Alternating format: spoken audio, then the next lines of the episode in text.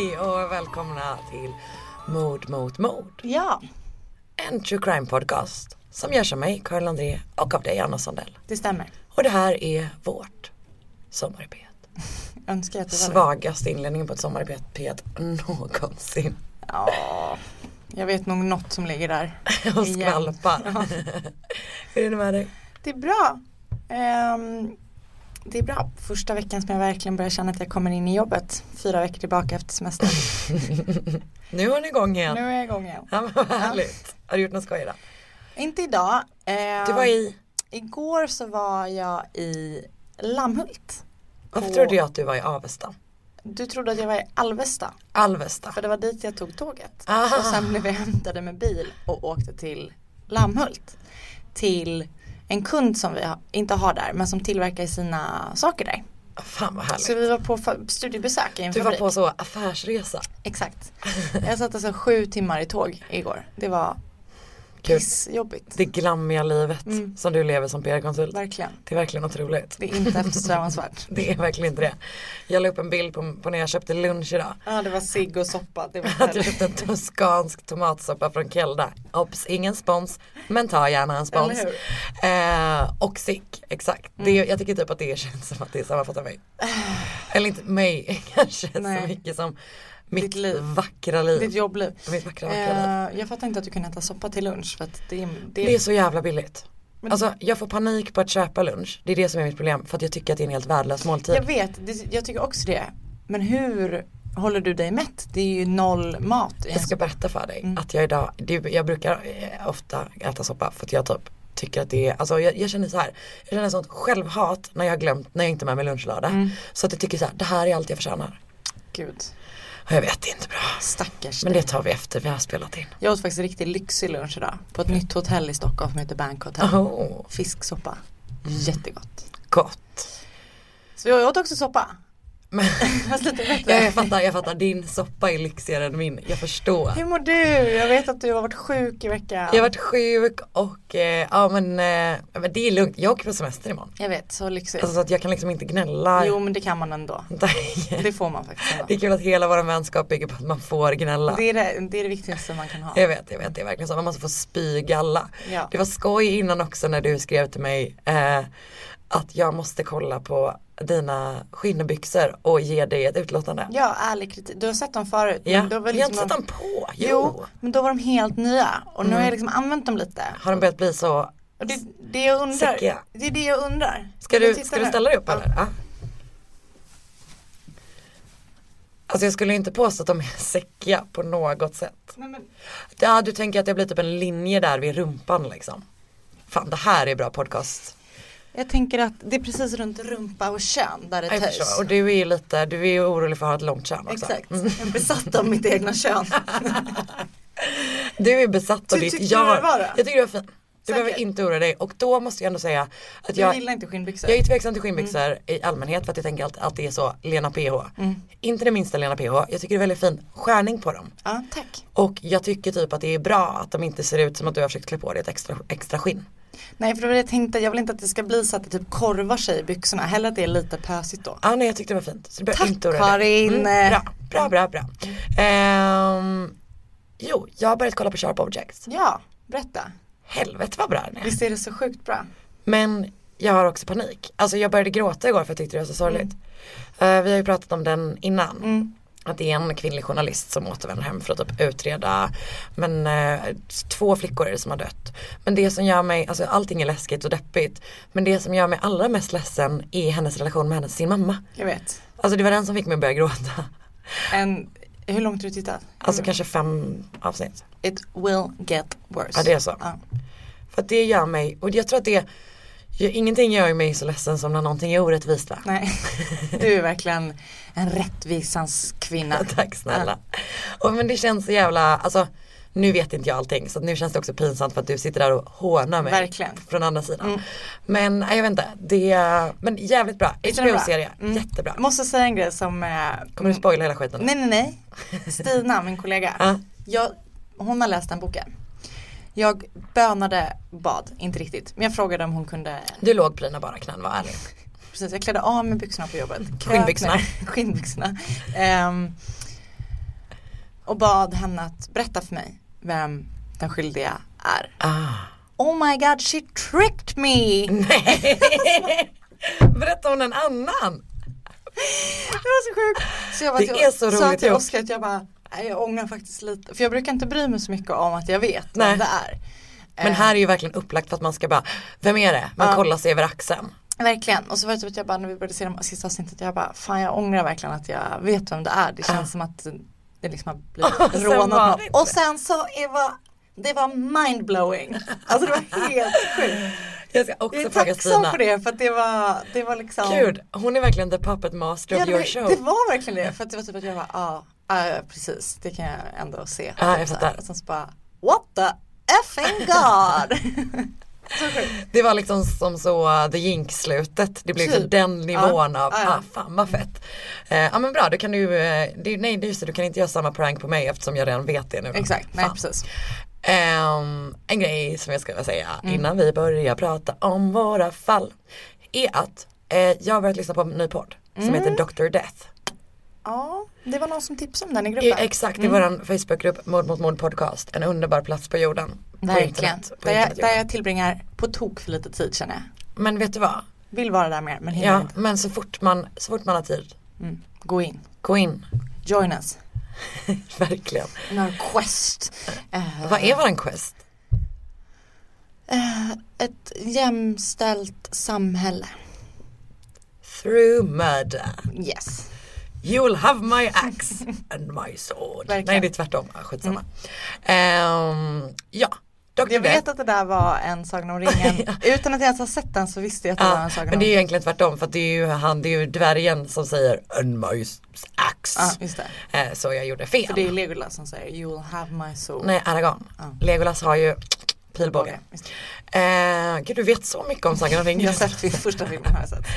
Det är som att jag, eh, när vi jobbade på Nöjesguiden, att jag aldrig, jag har aldrig inte sett ett enda avsnitt Game of Thrones. Nej. Men jag kan Vilket är så konstigt. svin mycket om Game of Thrones för att jag ansåg att det var en, liksom, en del av min yrkesroll att ha koll på Ja. det.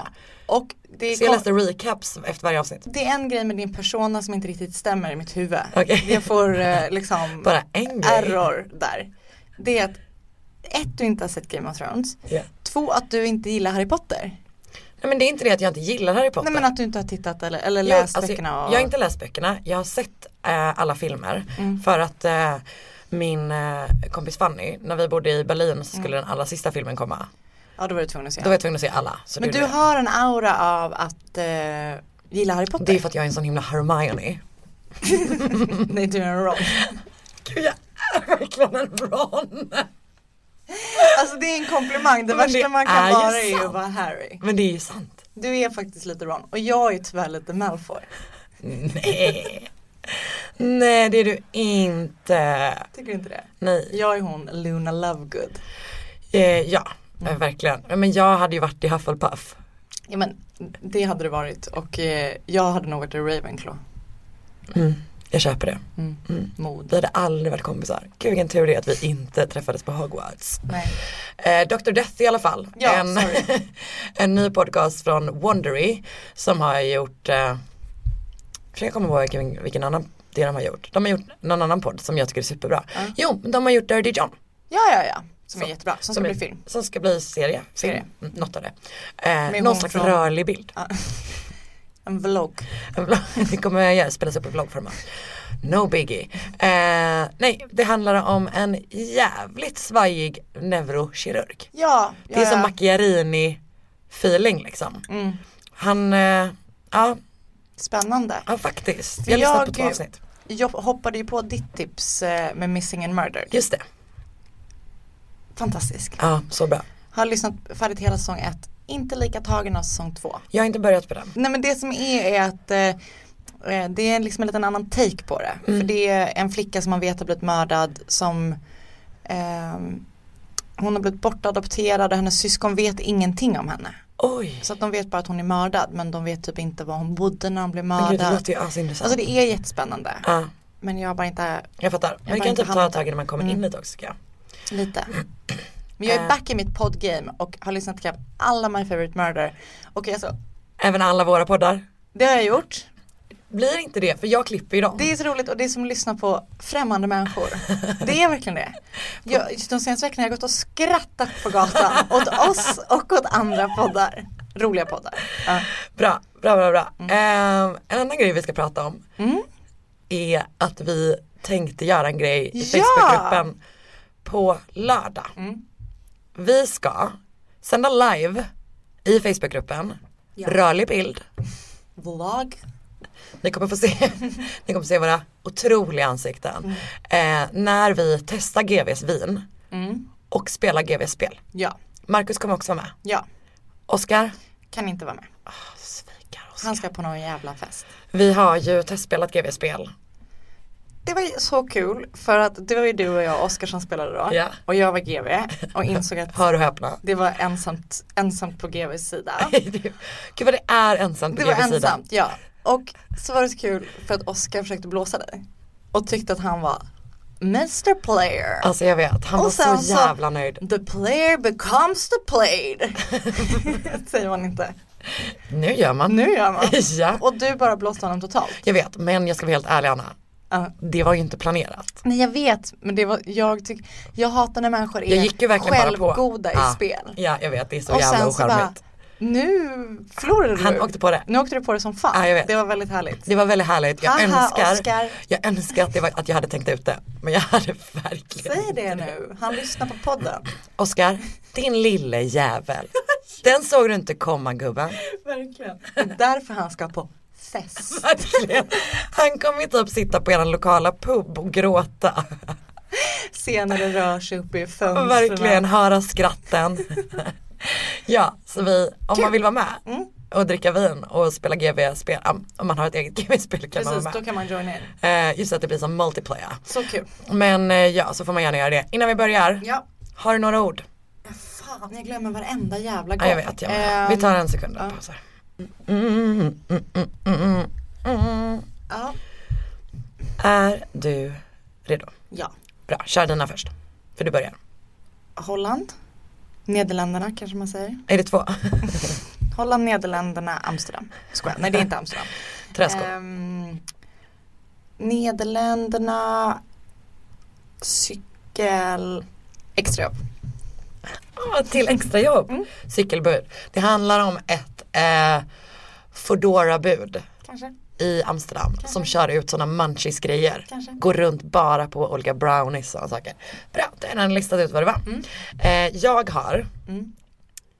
motorvägar, Mhm. rån, Mm. Independence Day. Okej. Den filmen eller? Eh, ja. Ehm, Ja det var filmen. ja, Det var ett skämt. Okej, kul. eller jag vet inte. Jag, jag antar det. Nu kör vi. Jo. Eh, ja men nu kör vi.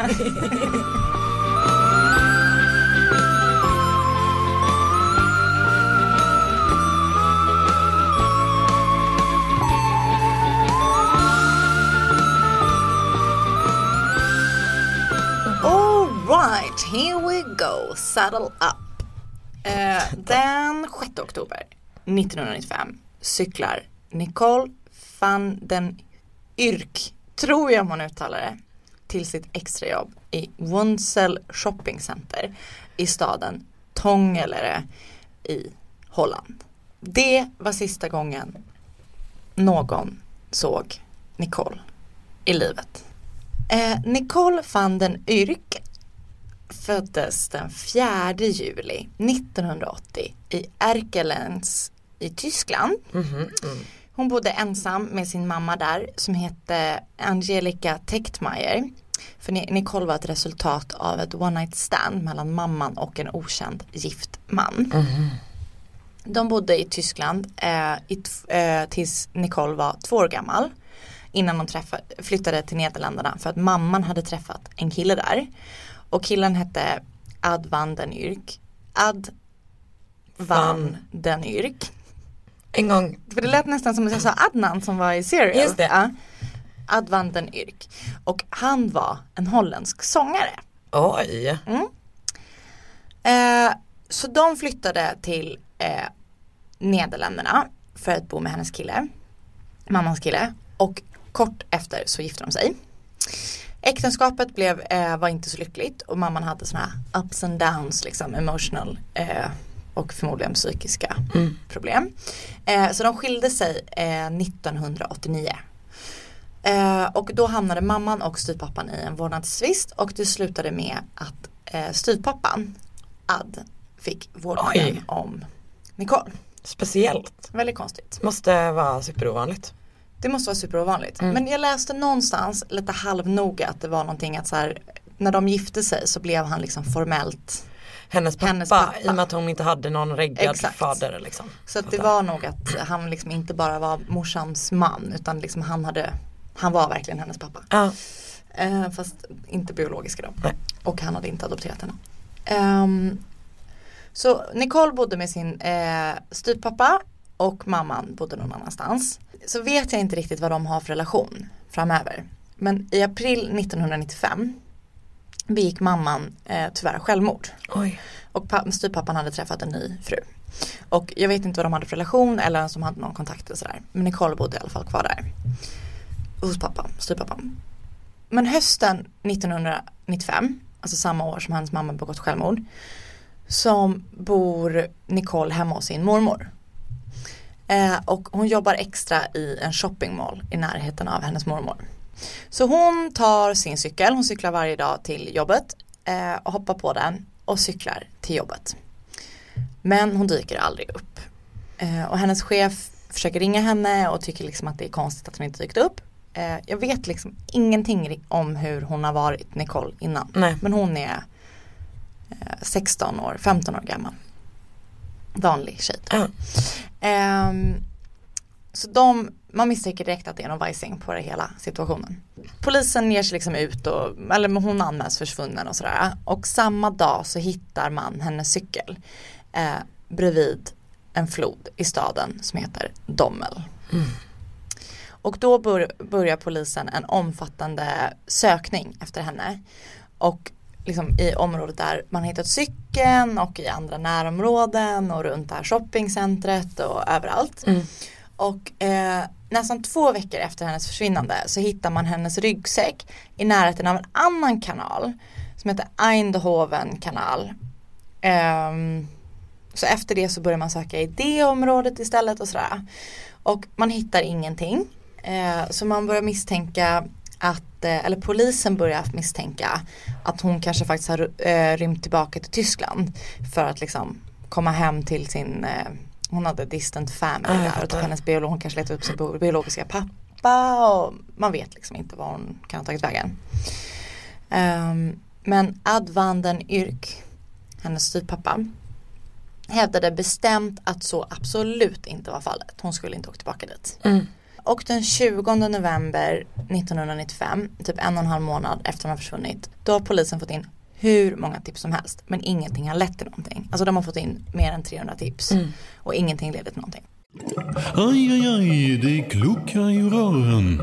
Men det är väl inget att bry sig om? Jo, då är det dags för de gröna bilarna. Spolarna behöver göra sitt jobb. Spolarna är lösningen. Ah, hör du? Nej, just det. Det har slutat. Med Hedvigs hemförsäkring är du skyddad från golv till tak oavsett om det gäller större skador eller mindre olyckor. Digital försäkring med personlig service, smidig hjälp och alltid utan bindningstid. Skaffa Hedvig så hjälper vi dig att säga upp din gamla försäkring. Hedvig hemförsäkring, ett klick bort. Dåliga vibrationer är att skära av sig tummen i köket. Ja! Bra vibrationer är att du har en tumme till och kan scrolla vidare. Alla abonnemang för 20 kronor i månaden i fyra månader. Vimla! Mobiloperatören med bra vibrationer. Men den 22 november, en onsdag 1995, var en person ute och gick i en skog och helt plötsligt så snubblar han över Nicoles döda kropp i en skog som ligger mellan Mjärlo och Lerup. Varför blev det finskt? Eh, den här skogen då där hon hittades eh, låg inte i Finland utan eh, den låg ganska nära hennes mormors hus där hon hade bott när hon försvann. Så hon liksom, man tror att hon inte har kommit långt helt enkelt. Nej, inte kommit långt. Alltså, men man hittade ju hennes liksom cykel Utspritt, på en ja. plats, hennes ryggsäck en, ja, Fan vad konstigt. väldigt konstigt. När polisen hittade henne så var det inte helt, hon hade blivit våldtagen och mördad. Det kunde man säga. Eh, men polisen hade svårt att avgöra hur hon faktiskt hade dött och det har typ vad jag kan se fortfarande inte blivit helt Fastslaget. bekräftat. Nej. Men det verkade mest troligt att hon dött av en eh, alltså internal bleeding efter ett knivhugg. Men, Så hemskt. Så 15 hon hittas där, 15 år gammal. Polisen hade väldigt få ledtrådar på vad som har hänt och väldigt få misstänkta efter att de har hittat Nicole. Men en kvinna som var en vän till familjen som åker fast för, eh, eller vän till familjen, men de visste vem hon var, hon bor i samma stad och sådär. Eh, som hade åkt fast för eh, knarklangning sa att hon visste vem som hade mördat Nicole för att det då skulle vara de här druglordsen som hon hade langat för. mhm. Och till en början så backade Nicoles styvpappa den här teorin och bara så kan det säkert ha varit men man ansåg att så här, Det låter helt sjukt. det var liksom för mycket Ja. konstiga grejer i den. Så att den, eh, det avskrevs ganska snabbt. Och redan innan Nicole hade hittats, alltså bara typ två veckor innan, eh, så hade polisen fått ett anonymt tips. Eh, där en person ringde in och sa att jag kan, jag vet vem mördaren är, liksom, jag kan identifiera mördaren. Men det samtalet avbröts hastigt så man kan inte spåra det av någon anledning och det var liksom så här, man, det följdes aldrig upp eller den personen följde aldrig upp. Man Ah, kunde inte hitta den personen. Eh, men 1996 i januari så sände man det eh, samtalet på tv, nationell för tv. att typ höra vems röst det här Exakt, så ah, vet du vem det här är? Så typ Fan ring fett. oss. Ja. Men det gav ingenting heller. Ehm, och eftersom man inte, det hände liksom ingenting så att det blev färre och färre personer som jobbade på hennes case. Och sommaren 1996, alltså ett drygt halvår efter hon har dött eller hittats, så arresterades både hennes pappa och eh, styvbror för mordet. Oj. Men de släpptes ganska direkt och fick resning för att man hade liksom inga bevis mot dem och det var Nej. väl bara sådär. De hade typ panik och bara vil, vilka brukar det vara? Exakt. Ja, oh, för fan vad hemskt. Eh, och en holländsk tidning som heter någonting som jag inte vet hur jag ska uttala det erbjöd också en belöning för någon som kunde liksom med någon som kunde komma med information som Mm. kunde leda till eh, mördarens gripande. Men det resulterade inte i någonting heller. Men det är ju helt sjukt. Det är helt sjukt. Och Hur kan ingen liksom ha sett ingen har sett någonting, ingen vet någonting. Ah, ingen, ja, det är så konstigt. 2004, eh, alltså nästan tio år efter hon har blivit Ah, mördad, jävlar. så Ah. har fortfarande hä- ingenting hänt. Och då bestämmer sig en cold case-grupp för att ta upp fallet. Och de jobbar liksom med det. Får inte fram någonting. mm. Ehm, 2011, Nu då, nu då, nu då. 16 år efter hon har mördats, händer en grej. Hennes styvbror Andy, som blev gripen 96, eh, han bor numera i England. Och den 8 mars skriver han på sin Facebook-sida en post där han skrev I will be arrested today at the murder of my sister. I confessed and will get in contact soon. Han, Ursäkta? Han blir gripen direkt av engelsk polis, eller han överlämnar sig till engelsk polis Han skriver det och typ går rakt in Ja. liksom. Eh, Och han sitter häktad där i två veckor och sen blir han överlämnad till polisen i Nederländerna. Där sitter han häktad i bara fem dagar innan han släpps igen. Va? Mm. Anna, vad är det här? För historia du har på gång. Verkligen, du är on the edge of your seat. Jag är verkligen det. Okej Eh. så han får häktas, er, erkänner, häktas, överlä- utlämnas men sen släpps han. Sen släpps han efter fem dagar. För erkännandet på Facebook var det enda beviset man hade mot honom. Det finns inget annat bevis. För det var inte han. Men Han har senare berättat att han erkände det här mordet fast han var oskyldig för att han trodde att hans pappa kunde vara skyldig. Han har berättat att pappan då ska ha våldtagit henne tidigare i deras hem oj.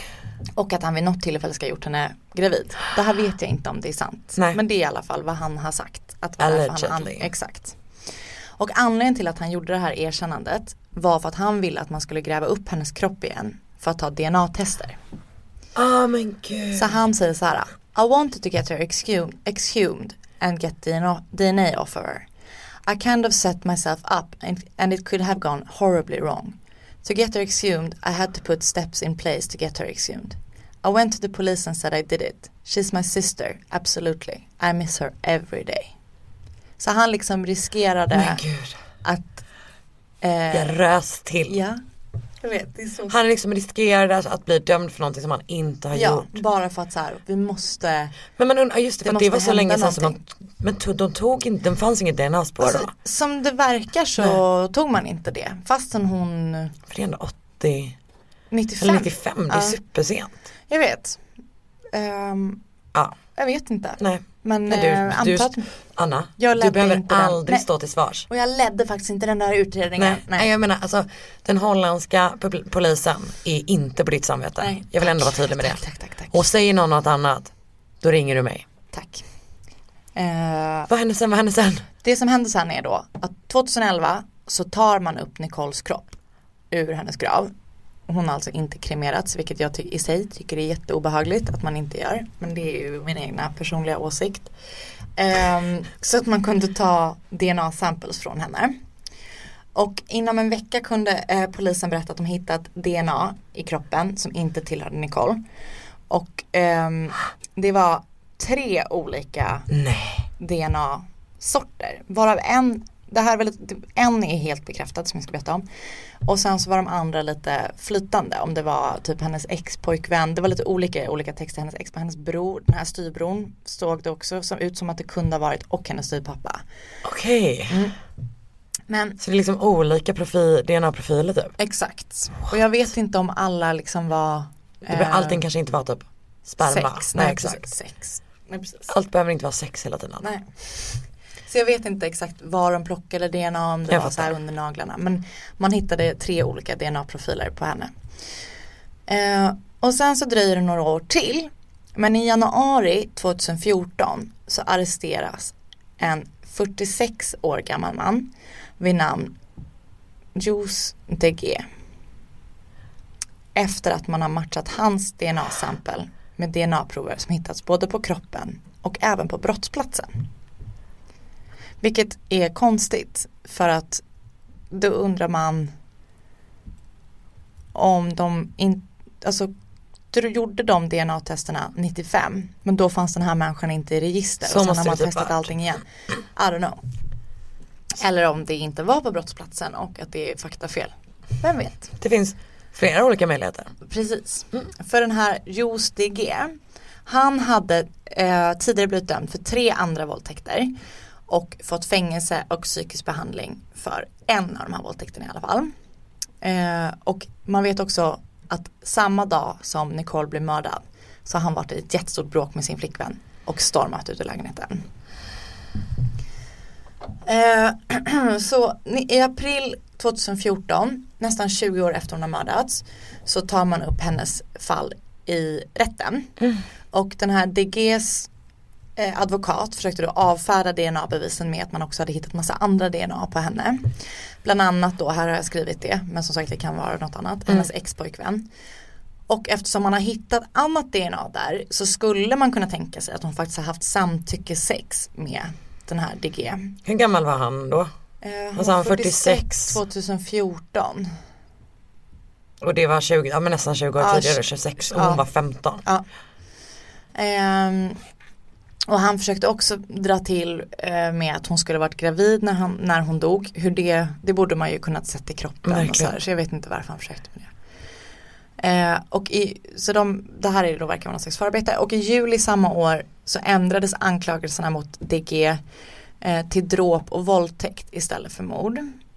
Eh, och han förnekar att han har träffat henne den dagen hon dog. Men att han kanske har haft samtyckesex med henne några dagar tidigare. Och det är därför hans eh, DNA Va? finns du där. hade nog ändå kommit ihåg om du typ låg med den döda tjejen. Alltså så här, fattar du vad jag menar? Den tjejen som några dagar senare. Mm. Alltså det är ju ah, gud det är så jävla respektlöst på något jävla sätt. Eller ja, så här. ah. Det är så respektlöst. Jag kanske, jag minns inte, jag kommer inte ihåg. Bara dra rakt åt helvete.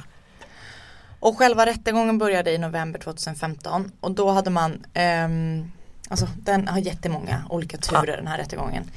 Men i mars 2016 testas DNA man har hittat på Nicole igen med nya metoder och den 19 april kunde man säga att det var 2,28 miljoner gånger mer troligt än att det inte var troligt att det var DGs DNA. Ja. Och, ehm, men det var också andra människors DNA där. Men den 21 november dömdes han till fem års fängelse för våldtäkt. Men inte för dråp. Ah, de kan inte visa att han, För man, precis, man kan inte bevisa. och de vet typ inte ens hur hon dog eller någonting. Nej, man kan Aj. inte bevisa att eh, det faktiskt var hans DNA. Bara för att hans Mm. DNA så kan man inte veta att det var ehm, Mm. han som mördade henne. Så att ehm, det är ett fruktansvärt fall. Och det är slut nu min berättelse. Nej men vad fan. Ja. Jag önskar att jag hade någon liksom solskens slut på det. Men Nej det men har det är inte. ju sällan det. Det får vi ändå, då får vi välja ett annat ämne, typ så entreprenörskap eller någonting. Verkligen. Nej, Det är en annan sorts det- mönster, det. Mör- mörker Mm. heter det. Ehm, Men så är det i alla fall. aj, fy fan. Mm. Jätteläskigt. Men och det, här där- var tips vill jag säga igen. Fan vilket bra tips. Ja men det var så bra tips. För, för du vet ju att jag jobbade med ett fall typ mer än vad jag någonsin brukar göra. Mm, Sen fick jag kalla fötter. Men jag kommer inte säga vad det är för jag kanske kommer få varma fötter någon annan gång. det tror jag. Strumpor. Strumpor. Ehm, men det där, jo vet vad jag tycker solskenshistorien var med det här. Mm. Det var brorsan. Ja jag vet det var så stort. Ja, det var så jävla fint. Mm. Att han bara, nu, Nu nu får jag göra det här. Mm. Och typ bara den grejen som är så här, att typ skriva det så öppet, typ alla kommer döma en, alltså det kommer alltid vara folk som bara, det var nog han ändå, alltså Jag hela, vet. Ja jag Åh, vet, så sjukt. Mm. det är så fint.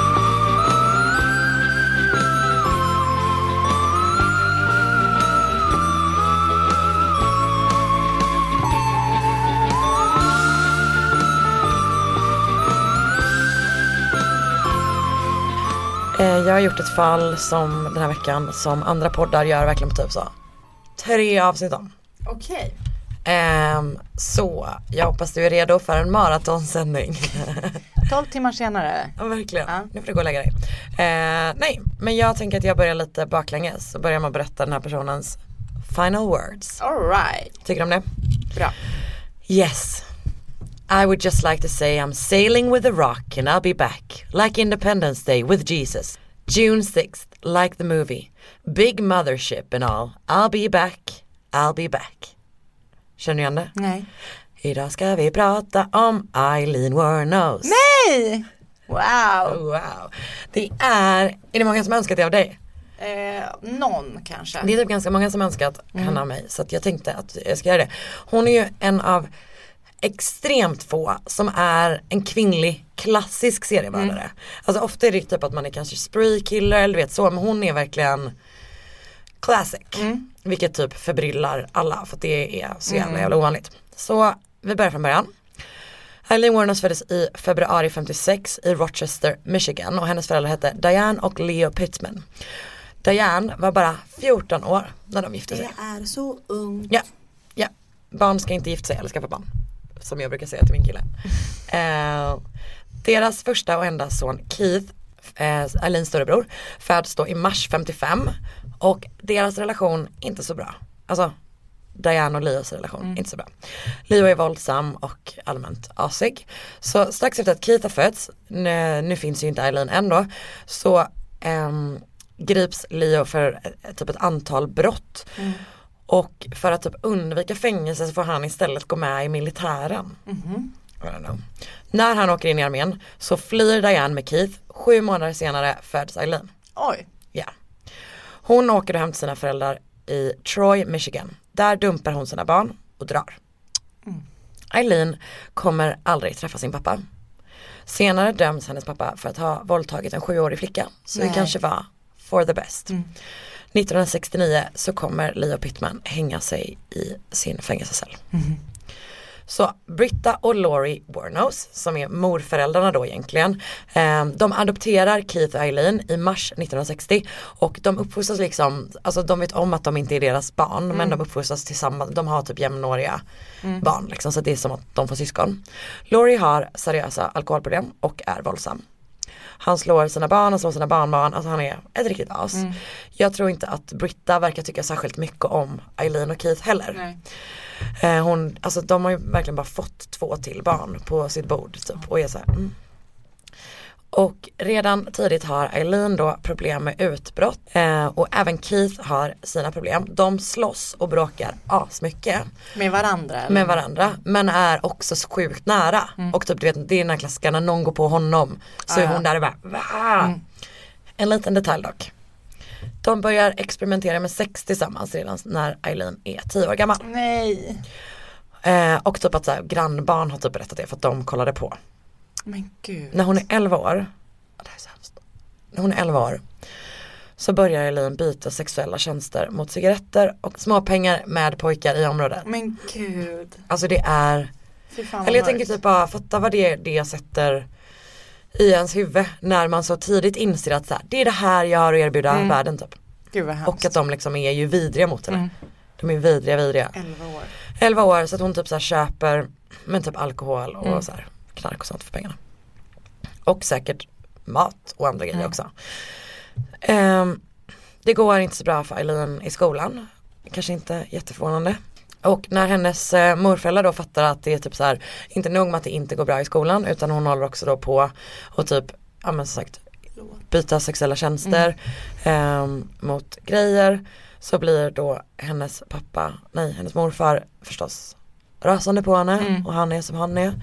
Så flera gånger så rymmer hon och Keith hemifrån men de hittas alltid och när de kommer hem så blir de bara mer slagna. Mm. Typ. När Eileen är 14 år gammal blir hon gravid. Hon kommer sen säga att det var resultat av en våldtäkt som en äldre man i området utsatt henne för. Ja. Hon skickas iväg till typ något sånt boende där unwed mothers får liksom. Så. Alltså, Eh, och i mars 71 så föder hon en pojke som direkt lämnas bort för adoption. Och hon har typ sagt så här, det är inte det att hon tänkte att hon skulle bli mamma, det var en bra Nej. grej. Men hon fick inte ens se honom. Alltså de tog honom direkt. Eh, hon, det var ingen som pratade med henne om det, alltså det är liksom, Nej. fatta det jävla traumat typ. Så några månader efter det, att hon har fött det här barnet, Mm. så dör hennes mormor. Mhm. Och då sparkar hennes morfar ut henne och Keith. Nej, då var de 15 år. Ja, exakt. Precis. Fy fan vad hemskt. Han bor typ hos kompisar. Hon bor i perioder i skogen bakom deras hus. Typ den skogen där hon har så här, ja, Lekte innan typ. ja Gud, men också hemskt. typ sugit av folk för sig liksom. Ja. Och hon börjar då återgå till det som hon kan. Mm. Att eh, hon börjar jobba med sexarbete. Mm. Eller vad man nu ska kalla det när man är så himla himla ung. Men alltså den här historien är så jävla jävla sorglig. Okej, nu kör vi på. Hon har ingenstans att ta vägen och liksom ingen i världen. Så hon typ så drar helt utan mål och typ bor där hon kan, kan för natten. Hon dricker, knarkar, lyfter runt och sen så här ja men försörjer sig med sex, genom sexarbete tills att hon är 20-21 någonting. Ehm, och i början av 76 så bosätter hon sig i Daytona Beach, Florida. Där träffar hon en 70-årig man som heter Louis Gratz Fell och de gifter sig. Ehm, och många typ så säger så här, det var hennes chans på ett vanligt liv typ. Ehm, men det går typ inte så bra. Snart får hon nyheten att hennes morfar har avslutat sitt liv i deras garage hemma i Michigan. Och sen blir det mycket, mycket värre. För i juli 76 förlorar hon liksom den sista familjemedlemmen hon har kvar, eller typ den enda familjemedlemmen hon har haft i hela sitt liv. Keith dör i cancer den 17 juli. Den 21 juli begär Louis skilsmässa efter nio veckor, eller inte skilsmässa, det är en sån, Sån har där- ja, det, ja. För att hon då har varit våldsam mot honom och slått honom, honom med sin käpp. Varför har hon en käpp? Han, Ja. nej hon har ingen käpp. 21 år gammal med käpp. Det låter som någonting som typ någon som gick på Schillerskan, den gymnasieskolan jag gick på hade kunnat få för sig. typ. För att man kommer hem, man kommer dit en dag och bara, nej ingen grej, jag har käpp. Verkligen. Jag hatar sånt. Jag hatar sånt. Det här är verkligen ett supersidospår. Ja. jag, hatar, jag hatar ungdomar och barn som är så här, har med sig någonting konstigt i skolan som att det är helt normalt. Och bara, nej men jag kör plommonstop numera varje dag. Exakt, monokel, inga konstigheter. Vadå, Verkligen. vad tittar du på eller? Jag, man kunde ju typ göra sånt att man bara, nej men jag hittade den här kniven hemma typ. Eller Jag tänkte du vet typ en sån scout, du vet Jag att man var såhär, nej men jag hittade den här coola pennan hemma, jag bara skriver med en fjäderpenna numera, väl liksom, vad, är- grejen?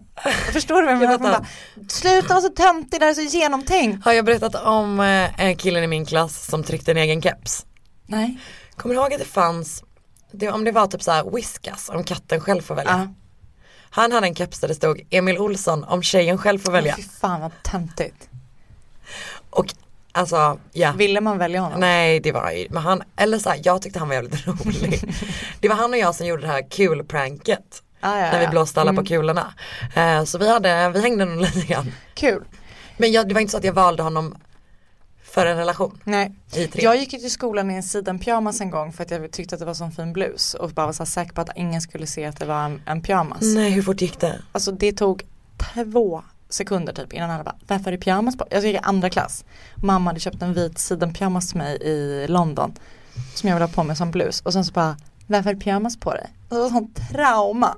Och jag hade typ baggy jeans och Erkänn det är så du tänker nu när du går runt med dina skinnbyxor. typ, typ. För att det är min sidenpyjamas. Okej fortsätt, förlåt det var fortsätt. som sidospår men det var så konstigt om hon hade haft en käpp. Ja, det hade verkligen varit konstigt. Ja. Hon har varit våldsam mot honom och hon har också sla- ehm, hon som startar slagsmål hela tiden typ när de är ute. Ehm, bland annat så har hon också kastat en biljardboll mot en bartenders huvud. Fy fan vad ont. Inte bra.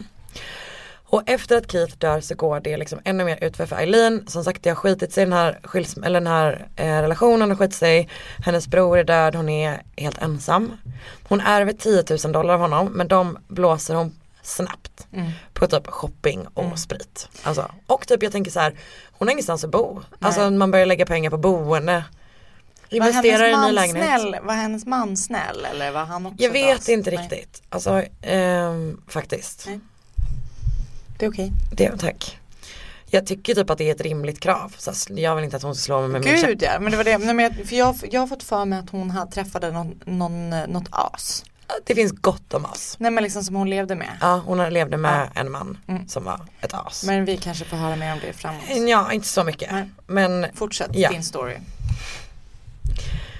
hon börjar dricka ännu mer och hon, så jobbar hon ute vid motorvägarna i Florida. Typ alltså så avfarter jobbar hon. Det är där hon liksom. Vad gör hon där då? Hon så, eh, är sexarbetare. Jaha, jaha, jaha. Hon säljer korv. Hon så här, vänder concrete. Hon byter ut film i de här fartkamerorna. Ja. Förlåt. Ja och nu kommer det vara dåligt samvete för att nu, min nästa mening kommer vara så här 1978 när Eileen är 22 år gammal skjuter hon sig själv i magen med en pistol. Så typ kommer in och säger så här på sjukhuset och så säger hon att eh, hon har försökt avsluta sitt liv tidigare också. Men det har inte gått. Ehm, ja. Hon har ju redan nu stött på polisen en och annan gång kan man säga. Så jag tänkte vi kan dra lite grann från hennes record. För att det här är liksom saker som händer hela tiden så det är lättare att bara beta av dem. Hon greps för att ha kört full. Inte så konstigt. Förargelseväckande beteende. Och för att hon har skjutit en pistol från en bil. Jag vill också vara tydlig med att när jag sa att det inte var så konstigt att hon hade blivit gripen för det var inte för att jag tycker att det är normalt att köra full utan för att det är en person är- som ja. lever på Det, bara, vägarna. det, gör man ju, det gör jag alltid. Ja. Karin du har inte körkort. Också det. Jag tycker inte det är bra. Jag Nej. vill bara vara tydlig med det. Aldrig, Ehm. don't drink and drive, alltså verkligen. Det är en statement vi kan välja att ta. Verkligen, det, det tycker jag, det står vi bakom. Mm. I maj 81 så är hon med den här snubben som hon har haft en relation med. Mm.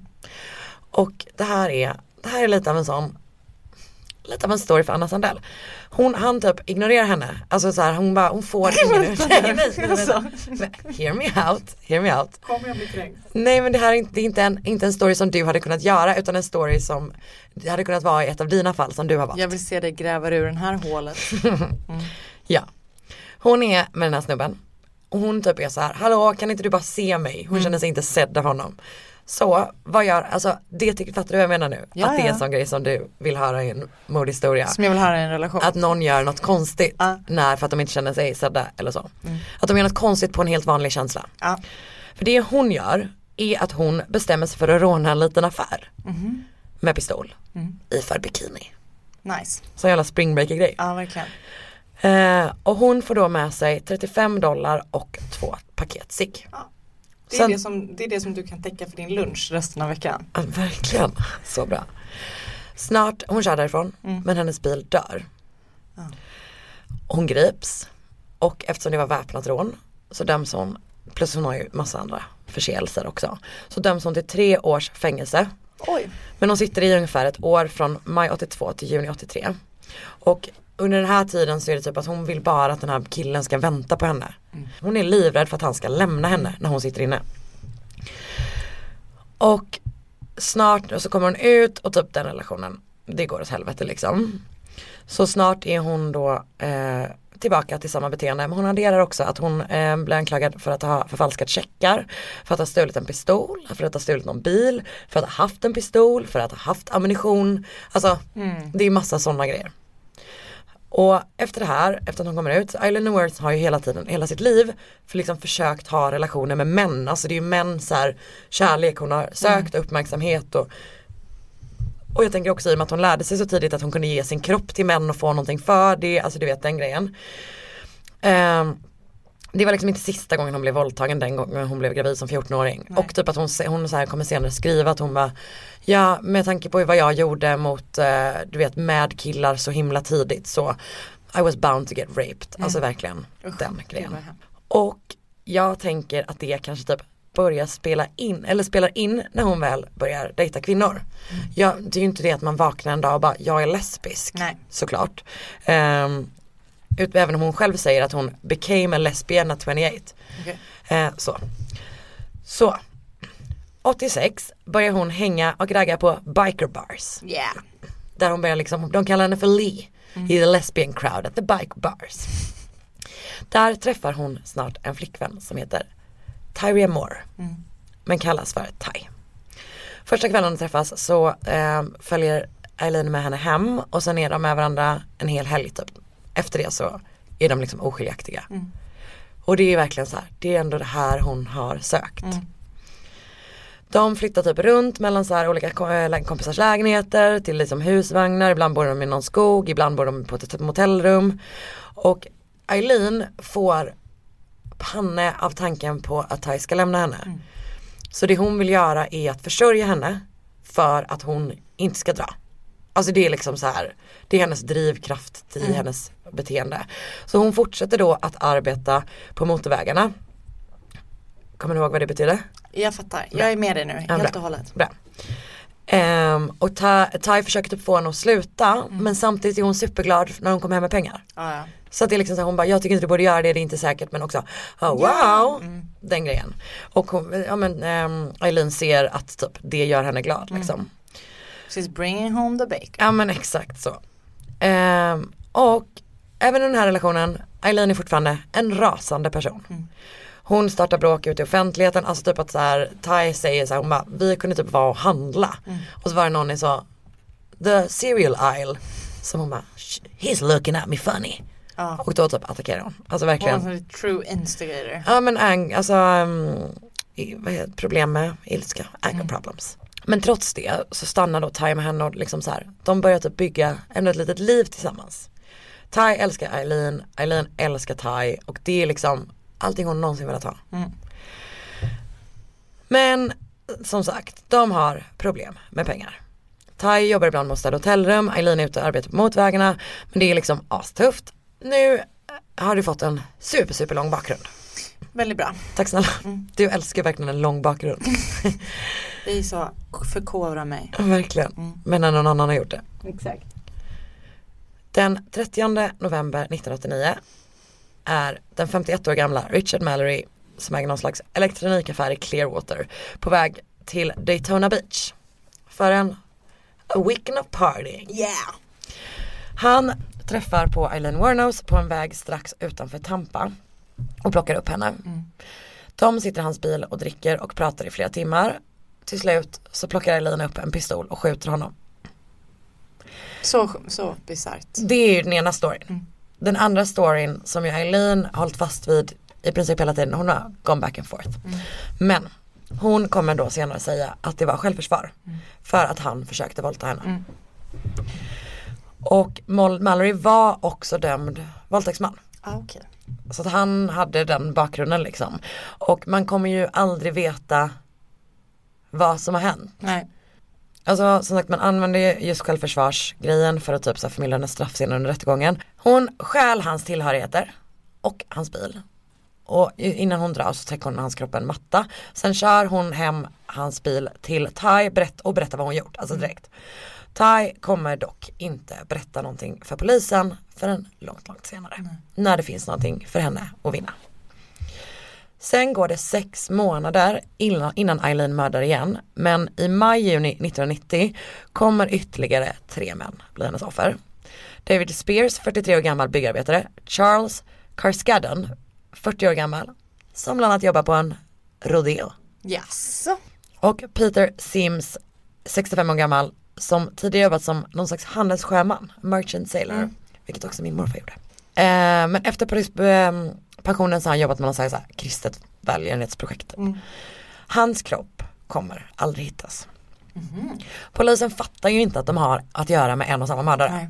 Alltså de, har, de kopplar verkligen, verkligen inte ihop de här fallen. Och som sagt, sjukt ovanligt med kvinnliga seriemördare. Så jag tänker att det måste gjort det ännu svårare på något sätt. För att man inte ens tänker Det kan inte vara sant. Typ. Det Nej, det. och jag menar det, ja, jag vet inte om man kunde lista ut att det borde varit, ja jag vet inte, hur som helst.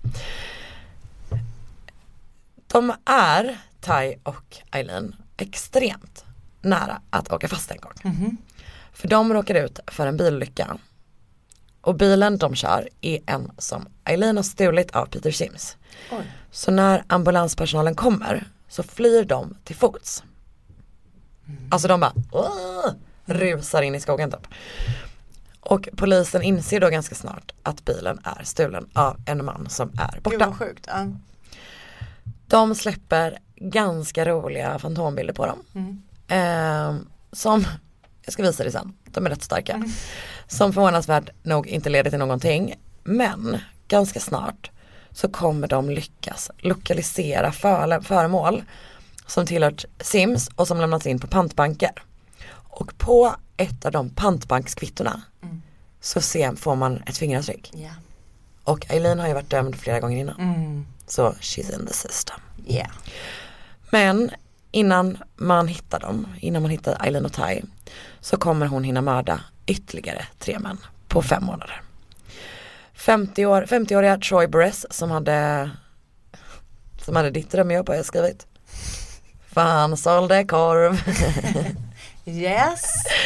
Charles Humphreys, eh, 56 år gammal. Eh, han har bland annat jobbat mot sexuella övergrepp mot barn. Men alla de här har varit i en sex, eh, Ja, eller du vet man, de kanske typ, eh, hon kanske liftade. exakt. Ehm, Så, det är ju lite oklart liksom. Ehm, sista offret blir Walter Gino Antonio.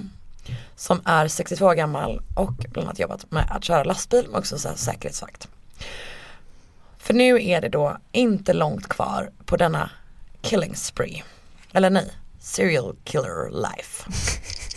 Jag kom på att det inte var en spree. Nej. För att trots att männen har hittat i fem olika counties och vi vet ju om hur dåliga vissa counties är på att jobba Jajamän. ihop. Så har man insett att de är alla mördade med samma pistol. För alla är skjutna med ganska många skott. Vissa av dem nakna, andra med kläder på. Och man har Eileens namn, bild och fingeravtryck. Så man börjar liksom, man efterlyser dem. Man efterlyser Ty och Eileen. Och snart börjar de få rapporter om att de befinner sig i Daytona Beach.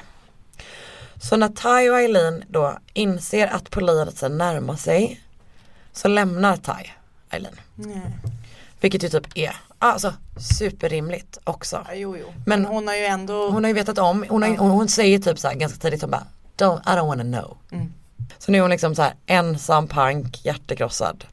I två dagar följer polisen efter henne innan de griper henne på en pig roast på en av hennes favoritbarer, bikerbaren The Last Resort. yeah. Den 9 januari 1991. På ett år har alltså Eileen Warners mördat sju män längs motorvägarna i centrala Flor- Florida. Polisen vänder liksom Ty emot henne. Eller de gör en deal. De är så här, om du får henne, delvis vittnar men också får henne att erkänna på band så slipper du åtal.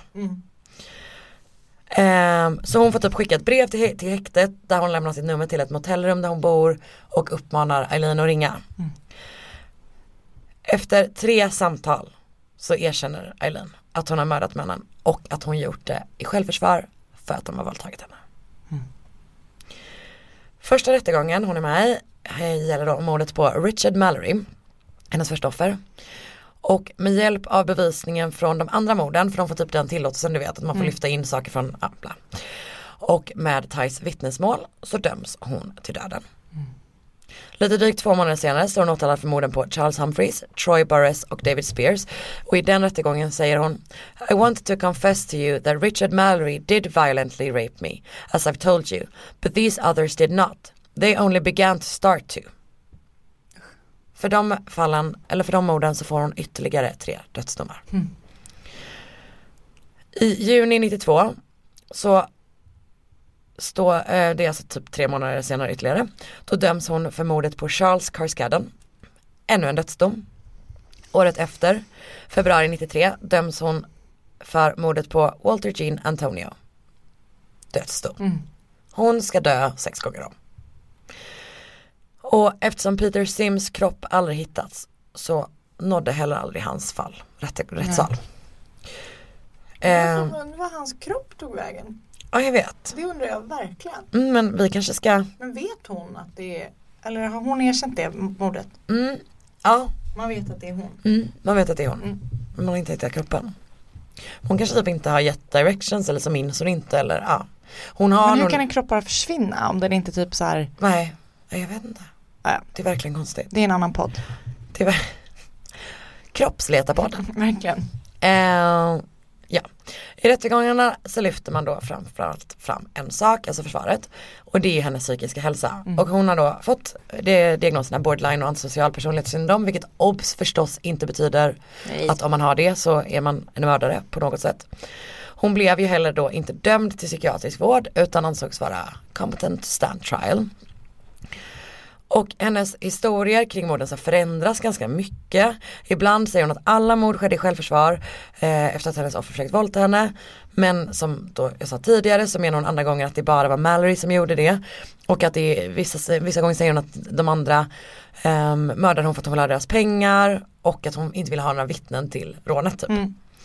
I en intervju dock, för att hon har ju varit med i ganska många dokumentärer, eller två dokumentärer, vi kan prata lite mer om det sen.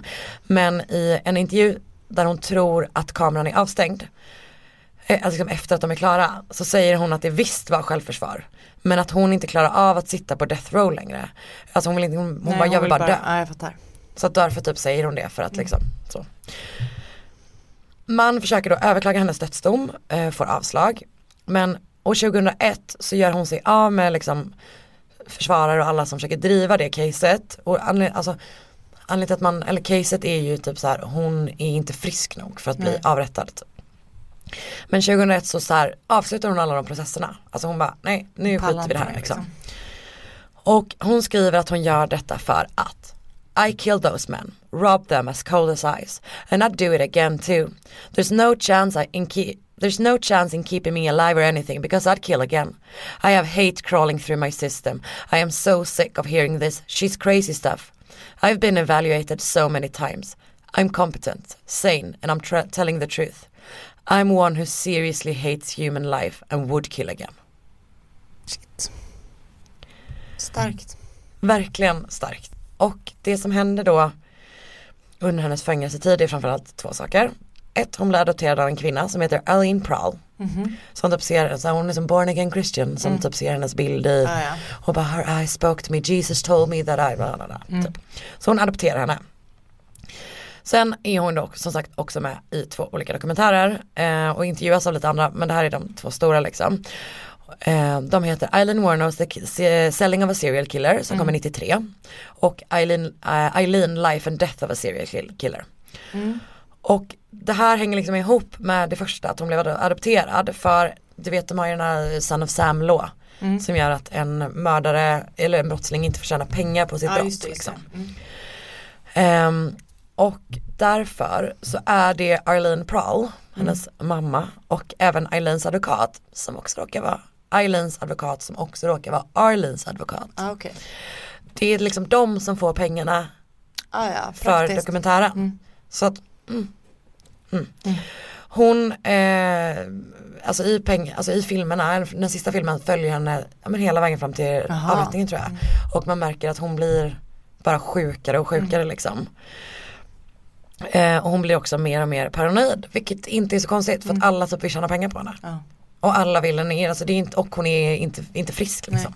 Så att hon vet liksom inte om om folk utnyttjar, utnyttjar, utnyttjar, henne för pengar och hon säger också typ att hennes medfångar typ gör grejer med hennes så här, mat, att de typ pissar i den, att de så, alltså du vet att det är liksom, den lägger typ skit i det, alltså så.